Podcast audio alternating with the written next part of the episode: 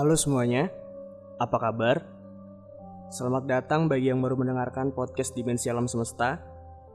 Terima kasih sudah berkunjung. Kali ini gue akan membawakan cerita yang agak sedikit berbeda. Cerita ini dari seorang bernama Herianto Kusumo. Terima kasih buat Mas Herianto Kusumo sudah membagikan ceritanya. Nah, di cerita ini sepertinya bukan cerita tentang makhluk halus atau setan-setanan ya. Tapi ini sepertinya cerita tentang pengalaman supranatural atau mungkin tentang ekstraterestrial. Jadi buat kalian yang suka tentang alien, podcast Dimensi Alam Semesta ini nggak cuma ngebahas tentang hantu atau setan-setanan ya. Tapi gue berusaha buat membahas semua yang menurut gue itu horor gitu loh. Jadi alien juga di sini termasuk. Oke, jadi ceritanya itu sebenarnya singkat banget. Dan gue gak pernah tahu urban legend atau mitologi seperti ini pernah ada di Indonesia. Mas Heri cuma membagikan cerita dari kakeknya yang katanya pernah berjumpa atau berhadapan-hadapan dengan makhluk asing yang menyerupai belalang sembah. Mungkin agak lucu buat orang-orang skeptis untuk urusan ini. Tapi gue secara pribadi gak menyarankan kalian untuk percaya atau menanggapinya secara berlebihan. Silahkan aja buat yang suka berteori tentang hal ini untuk sekedar membuka pikiran kalian. Atau mungkin kalian lebih suka untuk menikmati aja ceritanya. Kayak kalian lagi dengerin dongeng atau ya kayak nonton film tapi sambil merem gitu ya. Karena seperti biasa gue akan memasukkan sound effect yang relatable dan reliable ke dalam cerita ini. Oke cerita ini akan berjudul berhadapan dengan makhluk asing selamat menikmati dan, dan mari kita mulai. Kita mulai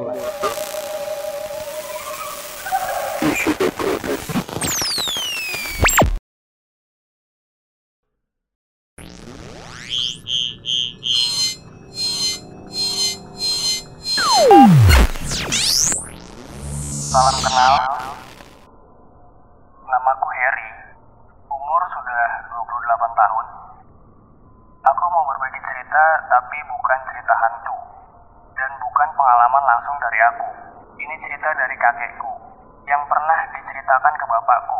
Jadi cerita ini diturunkan dari kakek ke bapak sampai ke aku sekarang ini.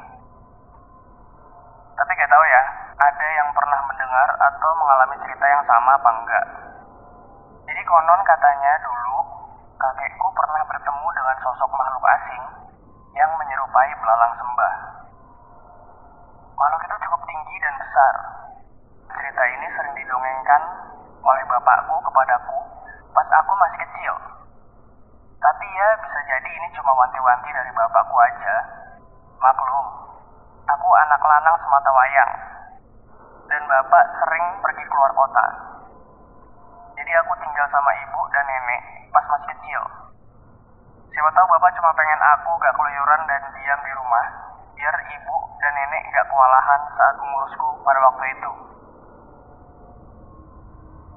Jadi cerita ini pas kakekku masih remaja, sekitar tahun 1950-an. Waktu itu kakek dan mbah buyutku adalah seorang petani jagung mandiri. Mereka punya kebun jagung yang cukup luas. Di hari itu sedang panen jagung. Seperti biasa kalau musim panen, kakek dan mbah buyut subuh-subuh sudah bersiap-siap. Nah, di pagi-pagi buta itu, kakek mempersiapkan alat-alat seperti pisau kecil dan karung untuk mengambil buah hasil panen. Pas lagi persiapin alat-alat di samping rumah, kan posisi rumahnya itu gak begitu jauh dari ladang. Sekitar 500 sampai 700 meter lah jarak rumah dan ladangnya. Posisi rumahnya menghadap ke samping dari arah ladang. Rumahnya itu ada pintu samping dan pintu depan yang juga sebagai pintu utama. Di belakangnya ada kamar mandi. Kamar mandinya itu terpisah dari rumah dan ada tempat cuci-cuci. Jadi kakek biasa persiapkan alat-alat itu keluarnya dari pintu samping. Kalau Mbah Buyut biasanya ada di ruang depan sambil ngasah benda-benda tajam dan lipat-lipat karung. Pas lagi sibuk persiapin alat di luar, kakek merasa ada cahaya putih yang menarik perhatiannya. Semula cahaya itu gak begitu terang, tapi cahaya tersebut bergerak ke sana kemari. Sewaktu-waktu cahaya itu berhenti di atas kebun jagung miliknya. Habis melihat itu, kakek langsung tertegun. Ada benda yang menyerupai cahaya melayang-layang di tempat. Seperti benda yang tersangkut di atas tali dan tertiup angin.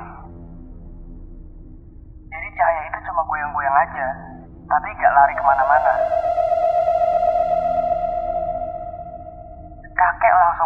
Menghampiri Mbah Buyut dan berbisik ke Mbah Buyut, memberitahu apa yang dia lihat.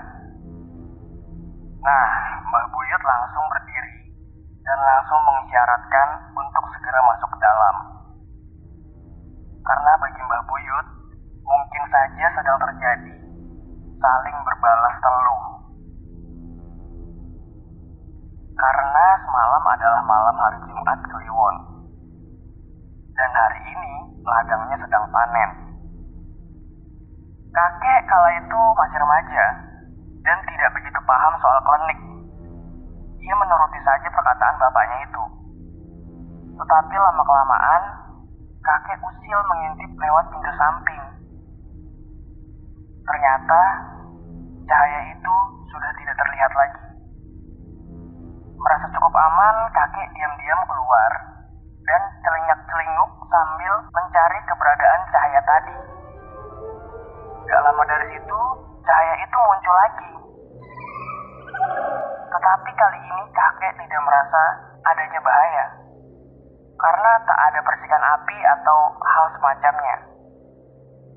Dan cahaya itu hanya berada di satu titik, tidak saling berlawanan, hanya bergoyang saja. Cahaya itu seolah memanggil kakek untuk mendekat. Nah, kakek yang penasaran berjalan sendirian cukup jauh untuk mendekati cahaya tersebut.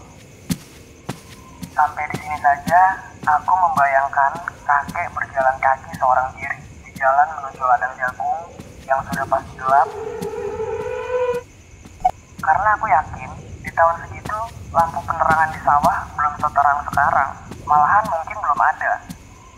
Kiri dan kanannya cuma ada pohon dan sawah-sawah yang menjulang tinggi dan jarak rumah warga dari satu ke yang lainnya sangat jauh sekali. Soalnya pas aku masih kecil, aku pernah main ke sana. Sebelum tempat itu jadi jalanan aspal kayak sekarang.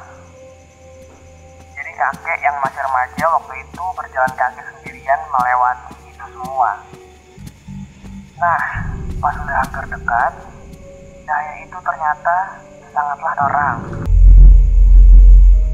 Malah menurut cerita dari bapakku, ketika kakek berada cukup dekat, saking terangnya, kakek dapat melihat dengan jelas celah-celah pepohonan.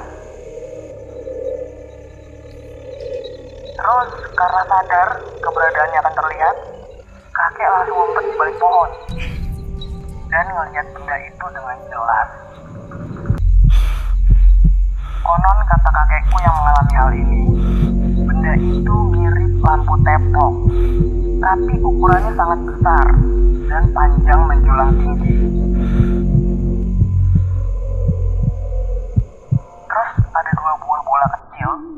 Yang memancarkan sinar putih terang berputar mengelilingi benda tersebut. Kalau dibayangkan lampu tepok seperti yang kita tahu, dalamnya itu kan biasanya sumbu dan api yang dinyalakan kan. Tapi kalau di benda ini ada dua buah bola cahaya yang bergerak mengitari di dalamnya. Terus kakek mengamati benda tersebut dari balik pohon. Menurut kakekku, bagian besar dari benda itu berwarna bening, seperti kaca.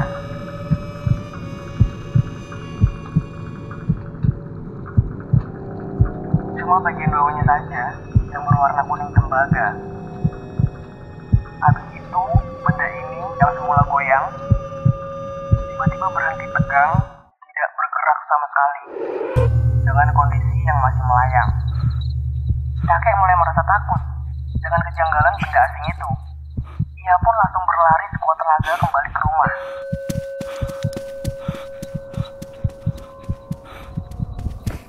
kakek lagi berlari ke rumah, cahaya dari benda itu semakin terang, kemudian tiba-tiba mati. Keadaan langsung gelap gulita. Malah, kata bapakku, kakek yang sedang berlarian sampai salah jalur hingga tercebur ke sawah orang. Saking gelapnya dan juga panik. Terus pas kakek sampai di rumah, kakek mendorong pintu dengan kencang. Mengetahui kalau kakek habis dari luar, Langsung menempeleng kepala kakek. Karena sudah dibilang untuk diam di dalam tetapi malah keluar rumah. Mbah Buyut langsung mengintip keluar untuk memastikan keamanan. Tapi sayangnya yang terlihat hanyalah gelap gulita. Terus, kakek yang berusaha menjelaskan penglihatannya gemetar dan gelisah, seperti habis melihat setan. Ditambah celananya basah terkena lumpur sawah. Hal tersebut membuat Mbah Buyut semakin marah dan mewanti-wanti untuk mendengarkan kata-kata orang tua. Tetapi kakek malah tetap melanjutkan ocehannya dengan terbata-bata. Dengan sulit kakek mengatakan yang ia lihat adalah sebuah lampu teplok berukuran raksasa sedang melayang di udara. Habis mendengar itu, Mbah Buyut malah menyuruh kakek mencuci muka dan mengganti pakaiannya. Dan Mbah Buyut mengajaknya untuk sholat subuh berjamaah bersama keluarga. Gak lama habis itu matahari mulai terbit. Nah, pas sudah agak terang, dua orang teman Mbah Buyut datang ke rumah.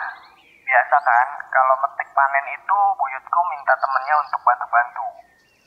Jadi ada dua teman Mbah Buyut ikut datang buat manen jagung.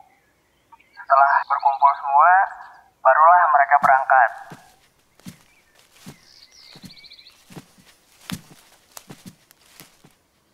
Singkatnya, mereka mulai mengambil hasil panen. Pas sudah terkumpul sebagian dari hasil panen, waktu bergulir menjadi agak siang. Mereka semua istirahat di saungnya Mbah Buyut yang cukup dekat dari ladang. Tapi kedua teman Mbah Buyut berencana menyudahi dulu dan akan melanjutkannya kembali di sore hari. Dua teman Mbah Buyut pun pulang terlebih dahulu. Sedangkan Mbah Buyut dan kakek menunggu Mbah Yuti. Mbah Yuti itu ibunya kakek, membawakan bekal makan siang.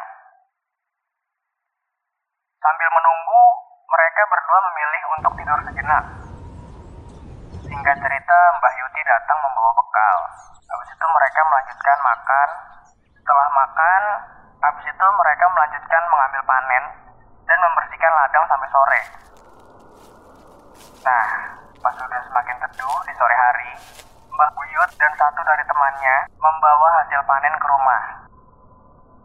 Sedangkan kakek dan teman dari Mbah Buyut masih membersihkan sisa-sisa panen di ladang. Di sinilah awal mula pertemuan kakek dengan makhluk aneh seukuran manusia yang menyerupai belalang sembah. Kakek saat itu berada cukup jauh dari temannya Mbak Buyut. Posisi kakek dekat dengan jalur setapak yang biasa digunakan lalu lalang. Sedangkan temannya Mbah Buyut berada di tengah ladang. Nah, pas lagi ngambilin daun-daun kering, di ujung jalan setapak itu seperti ada gerombolan orang sedang berjalan mengikuti barisan. Dan cara berjalan mereka bungkuk orang yang sedang menyelinap. Orang-orang itu tidak berjalan melewati jalur yang sudah dibuat. Mereka malah memotong jalan yang tidak seharusnya diambil.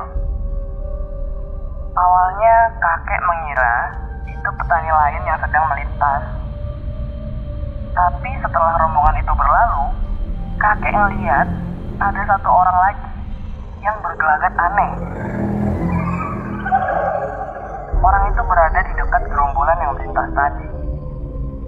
Posisi orang itu berada di tengah-tengah antara posisi kakek dan posisi gerombolan orang tadi.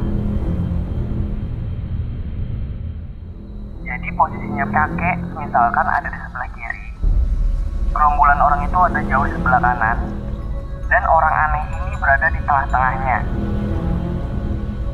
Nah, orang itu hanya berdiri terdiam sambil menghadap samping. Setelah kakek pertegas pandangannya, bentuk orang ini ternyata sangat tidak wajar. Karena bagian kepalanya seperti ada bulatan hitam besar yang lebih menonjol. Yang akhirnya diduga itu bentuk dari sebuah mata yang besar. Dan bagian mulutnya pipi, merucut agak maju ke depan. Kemudian orang yang kakek lihat ini berjalan perlahan setelah gerombolan itu berlalu. Dan cara orang ini berjalan sama persis seperti gerombolan yang tadi kakek lihat. Tapi karena posisinya agak dekat dari kakek, kakek dapat melihat dengan jelas. Orang ini memiliki tangan seperti sabit yang melengkung ke bawah.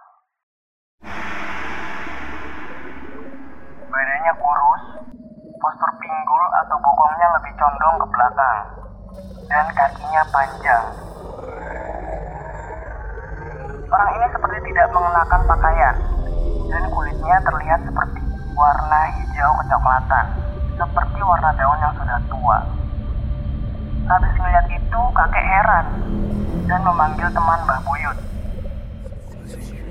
Tetapi kakek lagi-lagi memilih untuk menghampiri terlebih dahulu orang yang berbentuk aneh tadi. Sambil nunduk membungkukkan badan, kakek lari-lari kecil nyamperin ke tempat orang aneh tadi.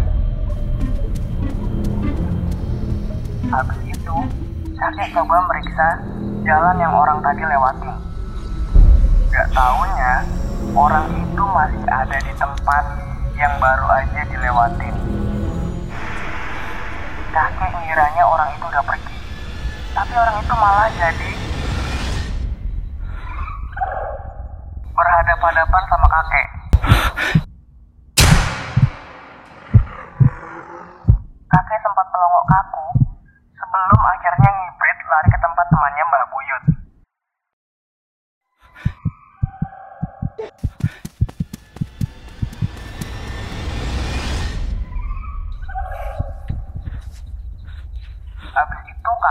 Tiba-tiba langsung gagu dan nggak bisa ngomong sama sekali. Badannya keringat dingin sampai lepek seperti orang yang habis mandi. Akhirnya temannya Mbah Buyut langsung membawa kakek pulang ke rumah. Mbah Buyut yang udah tahu gelagat aneh kakek dari tadi pagi, ngiranya kakek habis ngeliat setan. Kakek sempat gak bisa ngomong dua hari setelah kejadian itu. Kakek kayak gagu tiap mau ngomong. Besok malamnya, Mbah Buyut ngadain selamatan kecil-kecilan buat ngerayain hasil panen. Kalian ngajiin buat kakek biar sembuh dari penyakit shocknya. Setelah pengajian, besoknya kakek bisa ngomong. Kakek ceritain semua yang dia lihat ke Mbah Buyut sambil nangis-nangis. Mungkin hal itu dilakukan biar Mbah Buyut percaya. Tapi tetap Mbah Buyut nggak ngerti maksud kakek selain alasan melihat hantu atau ngayal. Secara rinci, kakek coba menggambarkan pakai rangkaian kata-kata mengenai ciri-ciri yang dia lihat. Ini didengar sama teman-teman Mbah Buyut juga. Katanya, yang dia lihat bukan sosok jin, kunti, genderuwo, atau setan-setan lain. Dia ngelihat makhluk nyata, makhluk solid yang ciri-cirinya sama seperti belalang sembah. Tapi makhluk ini setinggi orang Belanda. Kakek memperagakan tinggi dan gelagat makhluk itu. Kakek mulai berdiri sejajar dengan tiang kayu penyangga rumah dan memberikan batas tinggi di atas kepalanya menggunakan tangan yang dijulurkan. Habis itu kakek memperagakan gerak-gerik makhluk aneh itu. Kakek melengkungkan tangannya ke bawah seperti sabit atau arit. Kakek melanjutkan, jika kepalanya seukuran kepala manusia. Tapi yang bikin besar itu adalah matanya yang berwarna hitam. Kulitnya sama seperti warna daun yang sudah tua, hijau kecoklatan, dan agak menguning. Nah, bapakku sering menambahkan, katanya makhluk ini berwarna seperti pakaian orang Belanda, tapi loreng-loreng. Meskipun cerita kakek pada waktu itu sering dianggap bohong oleh teman-temannya. Dan beberapa orang lain yang mendengar cerita kakek menganggap itu hanya batang jagung biasa, namun bentuknya saja yang berbeda. Mereka tetap mengira kalau kakek cuma melebih-lebihkan saja. Tetapi kakek tetap percaya jika yang ia lihat itu betulan makhluk nyata dan mungkin saja masih berkeliaran.